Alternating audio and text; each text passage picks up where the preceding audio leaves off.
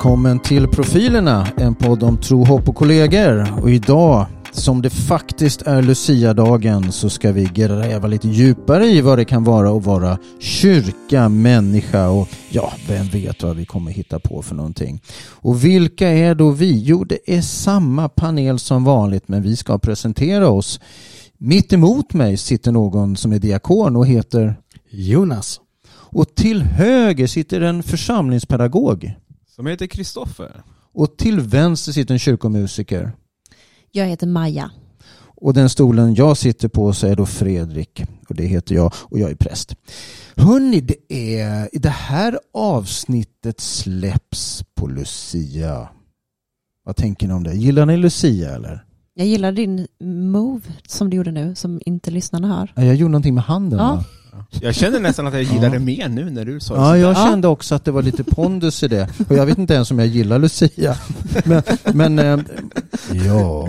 Hörni, Lucia. Alltså nu snackar vi ju tidiga morgnar, ljus i håret, långa tåg, vita kläder, eh, udda historia, lussekatter. Eller vad är det för någonting vi pratar om? Jag erkänner, jag, jag, jag älskar Lucia. Du Ja, älskar men- Ja, Jag med. alltså, två stycken. Okej. Nej, men jag, det är tre. Tre? Ja, jag älskar också. Milda Moses alla helgonen. Alltså, jag- Sälj in det bro, broder. jag, jag funkar så här. Ja. Vad du än gör, Ja. släng in lite barn som sjunger så är, är du hemma. Alltså det, det är någonting speciellt med barn som sjunger tycker jag. ja, nu tänker du liksom Alltså, en, en, en, en teater eller Ja. musikal Ja. eller vad som helst. Eh, En film. Jag menar, kommer det in barn som sjunger så, så det är någonting. Och, och, och jag upplevde detta så starkt när jag flyttade till Paris och, och bodde på, eller bodde på, jobbade på Svenska kyrkan i Paris. Du kanske bodde där med? Ja, jag bodde där också. Ja. Men det var inte det som var det viktiga, utan det viktiga var att jag flyttade ner i september, början på september. Och när det blev Lucia så eh, hade vi sådana jättestor, vi sålde massa biljetter eh, för att fransmännen tyckte det var exotiskt att komma och titta på Lucia. Så vi hade flera föreställningar i kyrkan. Sådär. Men jag satt liksom och, och nästan grät. För att det slog an sådana strängar. Och jag menar, och om jag hade bott utomlands i tio år, att det här blev en stor upplevelse. Men jag hade ju varit utomlands i fyra månader. Men i, sitt sammanhang, i ett nytt land, så blev det mycket större än vad det har varit. För sen har jag alla de här andra gångerna eh, med dagis och sånt där som inte har varit det här så. var alltså ett Lucia-tåg med barn eller? Eh, nej, det var inte just barn. Nej. Nej, det var Nej. Ungdom, mycket av per och ungdomar och, och, och sådär. Men ändå, alltså det, det slog an en sträng i, i. Och jag tycker att det funkar även, eh, jag måste ju erkänna att jag, jag har filmat fel barn. Eh, när det var Lucia-tåg, för det var ju nersläckt. Så du såg inte? Och, och, och jag satt och filmade en unge hela tiden. Och sen tänder de upp. det är inte okej Jonas. Har du tänkt på GDPR? Nej, det här Oj, oj, det här var oj. var innan GDPR. Okej. Offentlig bekännelse. Nej men så tänder de upp och så inser jag att det, det är ju inte mitt barn. Så det, Men väck, det blev fint ändå. Ja, det väcker någonting fint. Ja, men jag kan köpa, alltså visst, eh, alltså barn-Lucia-tåg då om jag rättar mig. Det, jag tycker det är en skön anarkistisk tillställning för barnen hittar ju på lite allt möjligt och det kan vara tio Lucia och allt möjligt. Det, det gillar jag. Men liksom de här, nu tittar Maja nästan arg på mig här. Men jag tänker de här liksom seriösa, om ni ursäktar, seriösa Lucia-tågen. Det är tjusigt och det är, är bra och fint va. Men, det är, jag tycker inte det är jättekul. Okej, nu kan ni hacka på mig. Om men jag, vill. tyck, jag, vill ha, jag vill ha kontrasterna. Jag vill både ha det här tjusiga skönsången i kyrkan tidig morgon eller sitta och titta på en tv-sänd Lucia. kan faktiskt också vara väldigt fint. Men jag vill ha kontrasterna. Jag vill ha eh, eh, barn-Lucia-tåget där man har ett ljus, batteriljus i handen som man stoppar in i munnen så man kan se att det lyser genom kinden. Ja, man liksom titta, nu snackar Och att det dessutom är Stålmannen i slutet, alltså bakom de här 15 Lucia, en pepparkaksgubbe och då Stålmannen kommer sist. Och ingen sjunger samma toner. Och ingen sjunger samma Det är helt fantastiskt. Nej, men jag, jag kan gilla båda på olika sätt. Mm. liksom. Ja, Okej, kyrkomusiker nu då. Ja, Jag vet inte, jag känner som att jag har inget att tillägga efter det här. Ja, men, eh, och, och då kan jag säga, eh, det mysiga med Lucia tycker jag, det är ju egentligen efter Lucia-tåget. Tycker jag. Men Ja, men det så här, typ på, på, på ja. jobbet, ni vet. Det är, liksom så här, det är nedsläckt efteråt så får man ofta lite glugg och smarriga skumtomtar och sånt där. Det är Det är lite stämning, mysigt. stämning. Ja. Ja, Jag kanske gillar Lucia. Då, man att- kombinerar ju så här vinnande koncept, flera vinnande koncept. Alltså ljus har ju blivit en, det, det betyder väldigt mycket i alla möjliga traditioner. Och musik. Ja, det var de. Och glögg. Och barn. Och, ma- och mat, Ja, fika. nej, men jag känner hörni, eh, Mm. glad Lucia allihopa. Vi, eh, vi tar ett steg till i det här avsnittet. Från Lucia till en spaning. Kristoffer, hjälp oss. Ja, men jag funderar på lite det här med eh, vår kontakt med människor Eh, i kyrkan, vid både glädje och, och sorg. Eh, och jag tänker lite på de sammanhangen där vi möter folk eh, som har mist någon nära eh, och som är i sorg eller i ett, kanske ett chocktillstånd inför en begravning eller sådär. Och, eh, och lite vilka som möter av oss, så tänker jag på anställda i Svenska kyrkan och vilka som möter de här människorna i olika sammanhang. Och ibland pratar man mycket om, men det är ganska mycket också kyrkovaktmästarna som träffar dem ute på kyrkogården och sådär. Och jag funderade lite på eh, hur vi känner kring, utifrån de olika profilerna, kring vilka verktyg vi har att möta de här människorna. Har vi tillräckliga verktyg för att, att möta folk i, eh, i perioder i livet när det känns tungt? Det behöver inte nödvändigtvis vara ett dödsfall. Det kan vara att man, att man söker kyrkan för att man känner sorg av andra anledningar eller att det är tungt i livet. Liksom har vi fått verktygen både liksom i det som är i våra utbildningar och i det som vi liksom har fortbildat oss inom och mött i våra tjänster och sådär. Vad tänker ni kring det? Jag tror att vi är, vi är ett eh, väldigt tjusigt pussel tillsammans. Jag tror att det, det är, nu kan vi bara tala för oss olika, men jag, jag kan ju direkt liksom, jag skulle vilja svara åt våra yrkesgrupper för jag har så tydligt viktiga kompetenser. Men du nämnde också no, som kyrkvaktmästare till exempel och alla som jobbar på kyrkogården, de möter ju fler anhöriga än vad vi, eh, tror jag i alla fall, vad vi profilutbildade gör.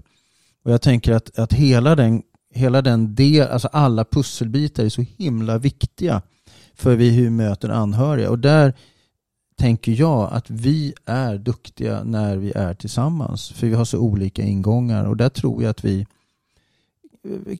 jag vill säga att vi alltid är bra men jag tror att för det mesta, i allra flesta fall, är vi väldigt duktiga på att förstå människors nöd och hjälpa. Jag, jag ber och hoppas det i alla fall. Jag vet inte vad ni... Jo, Ni men säger- det skulle jag nog hålla med om att komplettera varandra bra i, en, em, i, i många arbetslag och man har olika förutsättning. Och det är väl snarare hur bekväm man är själv med att eh, prata om vissa saker.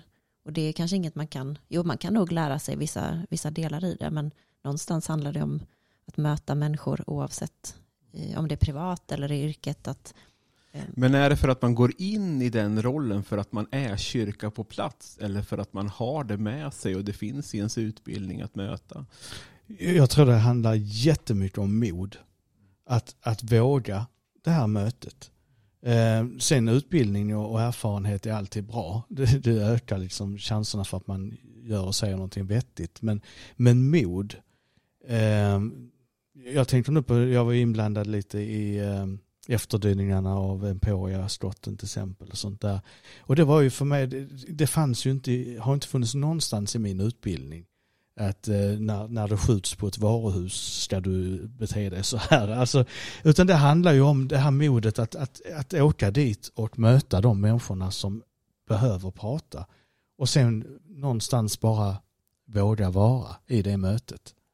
Jag tror att den där sista meningen är så himla viktig för att vi behöver ju vara genuina i det här mötet. Det vill säga vi måste ju uppriktigt bry oss. För jag menar om man går in i ett möte för att lösa en uppgift endast, då blir det ju inte mer än att uppgiften blir löst. Men om vi faktiskt bryr oss som människor, oavsett vad vi nu har för, för ingång, musik eller eh, planera någonting eller vad det än är, så, så är ju faktiskt min uppriktiga omsorg och intresse för den här människan det som avgör.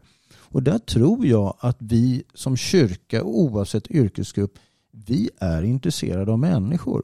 Vi vill gott med våra medmänniskor och därför tar vi oss för det mesta tiden på kyrkogården eller inför en begravning eller efter eller vad det nu än är för sammanhang. Att faktiskt lyssna och prata. Och ibland, jag tänker på mig som musiker, ni har ju mycket kontakt med alla kyrkliga handlingar egentligen inför. De väljer musik och funderar. Och ibland så måste vi ju inte prata om det som är det jobbiga. Utan vi kan prata om musik som vi ska använda på det jobbiga. Och, och, och det, är, det är good enough. Det är till och med mer än good enough. Ja, absolut. Man har allt praktiskt kring och um, ett, ett stöd. Ja, men precis, man behöver inte Utifrån. tänka, man får stöd och hjälp Mm. liksom. Och man vill inte alltid prata kanske, man vill bara vara och få tips och, ja, jag vet inte. Och jag tror Mm. vi vill vara där och jag tror det också är avgörande. För instinktivt vill man ju inte vara där. Eh, Jag, jag blev ju lika, alltså som privatperson är jag ju lika frust- alltså när man är i en situation när någon har sorg eller någonting är känsligt så, så vill man gärna bara om- jag bara kan få låta bli att lägga mig i detta. Liksom, för man är så rädd att göra fel eller säga fel och så vidare. Men i, som kyrka vill vi ju faktiskt vara där i just de situationerna. Eh, och bara det att vi vill vara där är, är ju liksom den stora grejen. Mm. Sen om vi råkar dessutom säga någonting klokt som kanske är, är till hjälp, det är ju bara bonus. Ja men kanske är det så också att man inte kan, alltså mm, spontant tänkte jag liksom eh, inför detta att, att eh, vi, vi kanske behöver ha det mer i våra utbildningar men det kanske handlar mer om att vara empatiska människor som, som vågar möta eh, vid de tillfällen det dyker upp och att vi tillsammans som arbetslag tillsammans med de olika profilerna Utöver de fyra profilerna vi pratar om nu, de andra profilerna som också finns i kyrkan på olika sätt, eh, yrkesgrupperna, eh, kan möta och vi kan hänvisa till och, och vi kan sådär. Så kan jag tänka mig att det är tydligare i, kanske, nu slänger jag bara ut mig, men att det är mer tydligt i utbildning kring för präster och diakoner att, att de här mötena, för jag har ingen erfarenhet utbildningsmässigt från församlingspedagogutbildningen att vi jobbade med de här frågorna alls. Eh, och där kanske jag hade kunnat sakna en del verktyg för att kunna göra det ännu bättre. Sen är det ju alltid så att det blir ofta bra för att vi tillsammans gör det bra som församling. Eller vi kan hänvisa vidare och vi kan, vi kan jobba med musiken inför en begravning och sådär. Att det finns ja. Men jag tror vi är duktiga att förstå vår egen horisont och varandras horisonter. Alltså att vi vet liksom att vi har olika expertiser och det är tillsammans de här expertiserna liksom blir bra. Att vi, vi liksom hänvisar vidare när det behövs och vi lyssnar när det behövs och sådär. Sen som du säger har ju vissa av oss då kanske mer utbildning i vissa ämnen kring det här. Men det är ju för att vi då kanske leder begravningen eller vi möter i en diakonalt sammanhang eller vad det än är. Men samtidigt så tänker jag att det vi behöver göra är ju prata som helhet. Alltså att ett helt arbetslag vill prata om vikten av att alla här är pusselbitar i mötet med människor. Hur, och jag tänker just som vi har nämnt då, kyrkvaktmästare, hur otroligt viktiga de är på kyrkogården att möta och samtala med människor. Vad som till ytan kanske verkar ett ganska random, eh, enkelt, vanligt samtal men som väldigt snabbt kan gå in på de djupaste grejerna och där de eh, kanske till och med är lättare att prata med än att slå en signal eller skicka ett mejl till prästen eller diakonen eller vem det är. Jag tänker också alltså, där man sitter på en expedition till exempel i ett församlingshem att där de ringer och säger att vi skulle vilja träffa någon och planera och där är också ett möte eh, Oh ja. med, med, med eh, kanske eh, övrigt administrativ personal som mer sköter liksom, bokningar av som också möter de här människorna och liksom sådär. Ja, det, finns mång, det finns många som möter dem i många olika sammanhang inom kyrkan. Liksom. Men tror ni inte om man blir vad ska man säga, för utbildad i det hela, att försvinner inte det genuina då? Om man, inte, om man bara, Intressant tanke. ja, om det är Ja, det, ja, så kan det ju vara. Eller så bara komplettera den för jag tänker att det också handlar om en grund eh, mänsklig eh, inställning, attityd Mm. eller grundsätt att vara människa på. Och Om där, man tänker aktivt att nu ska jag möta en människa i sorg, det gör man ju inte. nej, det gör man ju inte. Men jag tänker också att, att eh, det låter ju konstigt kanske, men jag tror att vi är mer eller mindre duktiga på sånt här. Därför att vi är olika och det är så det ska vara. Vissa präster till exempel är helt fantastiska på att förkunna, andra är helt fantastiska på att möta människor i samtal. En del är fantastiska på allt, men att vi har lite olika ingång därför att vi har olika talanger.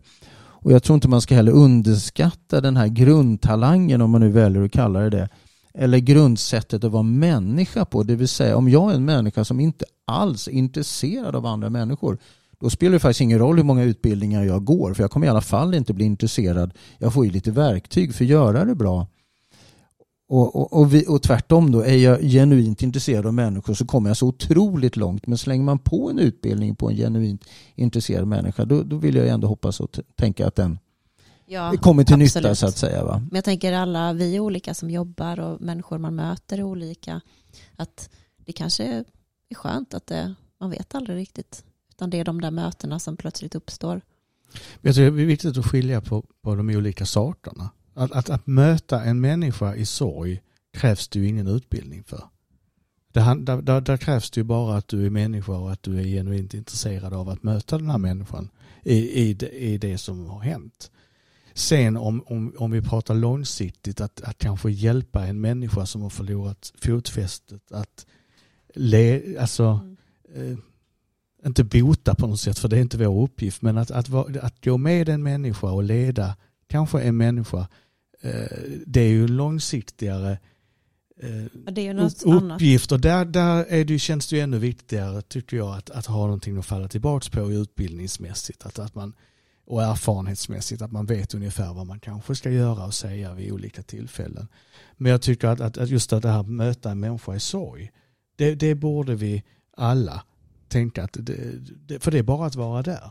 Det finns ju inga rätta Och ord att ibland är det ju väldigt, jag tänker när det finns lite olika i olika sammanhang också, ibland är det ju väldigt planerat att man kommer, man vet till och med att det är liksom ett, ett, en familj i sorg som ska prata om en begravning, då är det ju extremt tydligt åt ena hållet. Nästa gång är det liksom på en, en juniorgrupp där, någon, där Kalle kommer och säger kan jag prata, komma och prata med dig om en grej fem minuter innan vi ska träffas med den övriga gruppen och så kommer det fram saker liksom, där man kanske inte tror att det handlar om något helt annat och så bara dyker upp någonting och så ska man liksom ta. Så det det är ju också lite att vara liksom känna av, ha tentaklerna ute och liksom sådär också och, se hur man kan tackla olika situationer. Ibland är det som sagt väldigt planerat och ibland är det väldigt spontant. Alltså det är därför vaktmästarna är så populära att prata med. För att då, man, man åker inte till kyrkogården för att prata med vaktmästaren. Man bokar inte tid. Utan du är där kanske för att lägga en blomma och sen råkar du träffa vaktmästaren och då är det ett annat sorts samtal. Du får en lättare ingång också. Det blir Precis. inte så stort. Precis. Än om du dyker upp och, och be- ber fråga efter diakonen. Ja, men He- Helt precis. plötsligt är du i en annan situation. Vad tror ni om förväntningarna då på, på kyrkan att, att ta emot i de här sammanhangen? Men ja, det är, det är många som söker sig specifikt för att då kanske tala med en präst eh, som har då otrolig sekretess i allt som sägs. Ehm, men, eh, eller en diakon kanske framför allt. Eh, men som kom, kan komma och knacka på vilka tider som helst när det kanske inte är just öppet. Och då kan det vara någon annan. Eh, och man kanske tar första bästa, även behöver prata med någon. Eh, och då kan det bli ganska tunga samtal som man kanske har en förväntan att ja, men det här det hålls här, vilket det i och för sig gör. Men ehm, det, kan ju, det kan ju bli svårt. Jag tror också att man, man måste veta sina gränser. Man måste veta att nej, men jag har inte absolut tystnadsplikt. Eller jag har det. Man måste veta att det här samtalet nu går bortom min egen kompetens. Jag är inte psykoterapeutiskt utbildad. Jag, jag, jag kan hjälpa hit men jag, jag, jag, kan inte, jag har inte redskap för att göra mer. Att vi också liksom förstår vad våra egna begränsningar också går. För ibland måste man ju faktiskt säga, nej men jag, ehm, får jag tipsa dig om en annan person att prata med? Eller? Sådär. Ja, just för att vill vi verkligen hjälpa så kanske det inte just är vi själva ibland. Men som du frågar om förväntningarna, jag tror att förväntningarna är höga på oss. Mm. Jag tror att man förväntar sig att vi finns till hands. Jag tror att man förväntar sig att vi också är bra. Det är ju lite paradoxalt. På ena sidan så blir, blir man förvånad när vi hittar på något tokigt i media. För samtidigt så, så tänker man då liksom att ja, men vi hade ju förväntan om att, att ni, är ju lite, ni ska ju uppföra er lite mer bättre och vi har en förväntan om att när någonting händer, jag vill inte kanske vara med i kyrkan sådär va, men när någonting händer då förväntar jag mig att ni är där. Och det är ju jättefint, det är ju en fantastisk gåva. Fantastiskt förtroendekapital. Otroligt. Att det finns ett, tror jag i alla fall, ett generellt kollektivt medvetande i Sverige om en slags, eh, vi kallar det folkkyrkotanke fortfarande, även om vi inte är det då. Va? Och där är det också i de här organiserade sammanhangen där man jobbar ofta mycket med professionellt med POSUM-grupper och sånt som sätts ihop vid kris och katastrof också. Där, där jag tror att vi har, där jag tror också att vi har en väldigt hög förväntan på oss att vi ska kunna, kunna de här områdena och sådär också. Så att, mm. Och vi har ju, det, det, det ska ju vara eh, stolta och inse vår egen kompetens. Vi har jättemycket kompetens av att jobba med sorg och svåra frågor, inte bara varje vecka utan varje dag. Och det är klart att eh, händer någonting på en skola till exempel så har man ju inte den typen av praktisk erfarenhet i så stor mängd som vi har. Och det är ju jättebra om vi kan vara en resurs för skolan i krisgrupper etc. Och, och vill man inte det, fine. Men, men liksom vi ska också veta att vi, vi är bra på det här. Därför att vi jobbar med det hela tiden. Så det är också ett område jag tänker vi ska ha ett gott självförtroende som kyrka. Och vara stolta över och allt jobb, stolt. jobb vi gör. Precis, helt riktigt. Jag tror, att, jag tror också, det är ju lite sidospår men det hänger också ihop med det här med eh, behovet av riter och sånt. Eh, jag tänker riten med, med att ha en begravningsgudstjänst. Men också riten det blir på något sätt i samband med att vi en gång om året har allhelgonahelgen. Eh, där man får möjlighet att komma och tänka på de som inte finns nära oss längre. Eh, liksom att, att, att det behovet, det märker man ju på kyrkogårdar och sånt, att det är väldigt många som, som, som vill använda sig av det. Man, man, man kan särskilja halloween och, och allhelgona och, och alla själars dag på något sätt och se liksom att det här finns ett tillfälle där kyrkan jag vet inte om man ser det riktigt som att det är kyrkan som erbjuder det. Det kanske inte riktigt så det är. Men man tänker ändå att det här är en viktig helg där jag får möjlighet att göra det här. Och liksom men man kan ta, det kan ju vara att bearbeta sorg. Ja, det är det i allra högsta grad. Men jag tänker en, kanske den absolut vanligaste riten i hela Svenska kyrkan det är ju tända ljus för en ljusbärare. Vilket ju görs varje dag. Det är ju en rit, det är en liturgi om vi så vill där människor, jag jobbade i domkyrkan i Lund och där när jag jobbade så pratade vi om att det snittade en helt vanlig vecka kanske 3 500 till 4 000 ljus som tänds i domkyrkan. Och det är ju ljus som tänds av enskilda människor som har sin bön, som har sin stillhet, som har sina tankar. Och, och, och jag vet vaktmästaren brukar berätta att det kan komma in en person på morgonen genom eh, en port så där vid åtta tiden tända ett ljus, gå ut genom en annan port, kommer in genom den tredje porten för att gå ut genom den första porten. Alltså att vi lever i ett kollektivt medvetande där man kan ha sin egen rit i vår stora rit. Och om man ska vara ärlig, hur många andra sådana rum finns det? Det är ju de religiösa andliga rummen. Det hade ju varit spännande om rådhuset hade en motsvarande plats som en kyrka, om eh, nu är jag ju väldigt nöjd med våra kyrkor, men det är bara man leker med tanken där man kan liksom göra samma litur personliga liturgi. Men det finns ju inte. Jag menar, gå till kommunhuset och se om ni hittar den. Va? I bästa fall hittar ni en, en eh, kaffemaskin. Och sen är sorg och förlust universalt. Alltså du, du kan tro vad du vill, du kan uh, ha, vara rik eller fattig. Det här är någonting som, som berör och drabbar oss alla. Och du nämnde allhelgona och vi, vi brukar göra så att vi, uh, vi beställer en massa ljus uh, som vi delar ut. utanför ICA och utanför jag brukar åka upp utanför Emporia. Um, och, och, vi delar ut hundratals ljus på 20 minuter.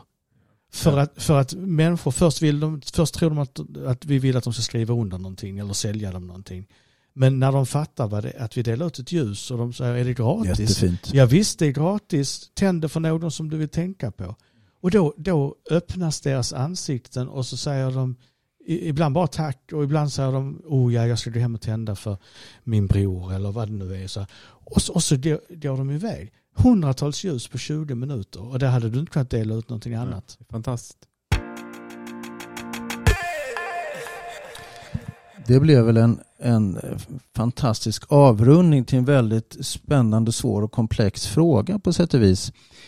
Vad, vad skulle man kunna säga så här, tips till alla vänner där ute. Om ni inte delar ut ljus, gör det. Jag tycker det var jättefint ni gör Jonas när du berättar att ni delar ut gravljus som man själv får tända när man vill och var man vill. Jättefin omsorg. Vad säger ni om det? Absolut, jag tror att det, och jag tror att det finns ett, ett behov. Och man, ibland så tror jag att behoven, man, man märker behoven först när man erbjuder dem. Och när vi sätter ett ljus i handen på människor så pratar vi ett ganska universalt språk. Ja. Eh, och, och då funkar det. Så med det och med våra ljusbärare i våra rum och med våra kompetenser och våra gudstjänster Och vårt mod. och vårt mod så kan vi kanske göra skillnad och finnas för andra.